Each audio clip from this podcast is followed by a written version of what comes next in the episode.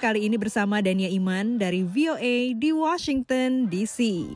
Demam Piala Dunia 2022 masih terus menarik perhatian para pecinta sepak bola di berbagai belahan dunia.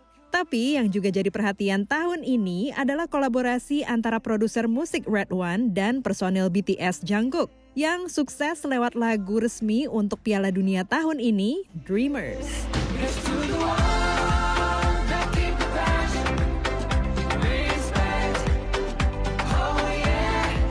Dreamers pertama kali dinyanyikan di acara pembukaan Piala Dunia atau World Cup di Stadion Al Bayt di Qatar 20 November lalu. Lagu tersebut berhasil menduduki posisi teratas di berbagai tangga lagu dunia dan sempat menduduki posisi pertama di iTunes. Kepada Associated Press, Red One mengatakan rasanya luar biasa. It feels amazing, you know. Uh, of course, this is not the first time I have uh, number one all over the world. Like I've had hundreds, but this is with all humbleness, you know. But uh, it's it's the first time a World Cup song ever in the history that does 100, over 100 countries and number one in the first day. Ia menambahkan, walau ini bukan pertama kalinya ia menghasilkan karya yang berhasil menduduki posisi nomor satu di berbagai belahan dunia, tetapi ini adalah pertama kalinya dalam sejarah di mana lagu Piala Dunia berhasil menduduki posisi nomor satu di hari pertama perilisannya di lebih dari 100 negara.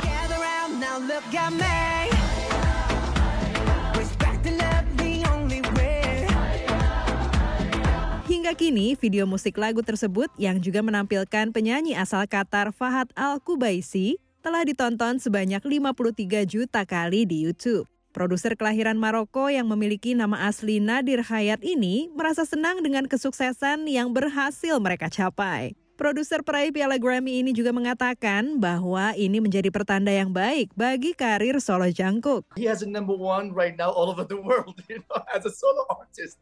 So I think it started incredibly good, you know. He made already he made history, you know, like for the World Cup. It never it has never been a song that made this success, immediate success, crazy success out of the blue, you know with no promotion yet. It hasn't been like a real promotion. Just been a performance on the World Cup. The song boom number one. Kepada Associated Press, Red One menambahkan, kini Jungkook memiliki lagu yang menduduki posisi nomor satu di berbagai belahan dunia sebagai penyanyi solo. Jungkook telah mencetak sejarah di Piala Dunia. Tidak pernah ada lagu yang tiba-tiba bisa langsung menjadi sangat sukses tanpa adanya promosi dan hanya merupakan lagu yang dinyanyikan di acara pembukaan Piala Dunia. Lagunya langsung meledak dan menduduki posisi nomor satu. Uh, that's how much he is loved, and that's how much him and the song are doing good. So I'm very blessed to have been part of this, to be honest with you. Red One mengatakan sebesar itulah Jungkook dicintai dan lagu itu diterima dengan baik. Ia merasa bersyukur bisa menjadi bagian dari kesuksesan ini.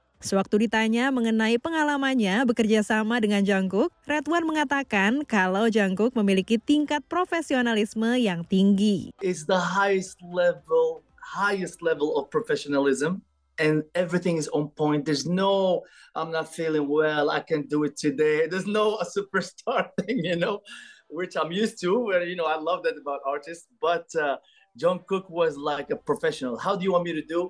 How is this part? This this it was quick, got it done. It sounded amazing. No headaches. Katanya lagi, Jungkook tidak pernah mengeluh dan tidak pernah bertingkah seperti seorang bintang yang besar.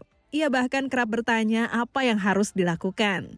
Proses kolaborasi ini juga berlangsung cepat. Saat ini lagu Dreamers tengah menduduki posisi ke-9 di tangga lagu Billboard Global 200. Dari Washington DC, Dania Iman, VOA.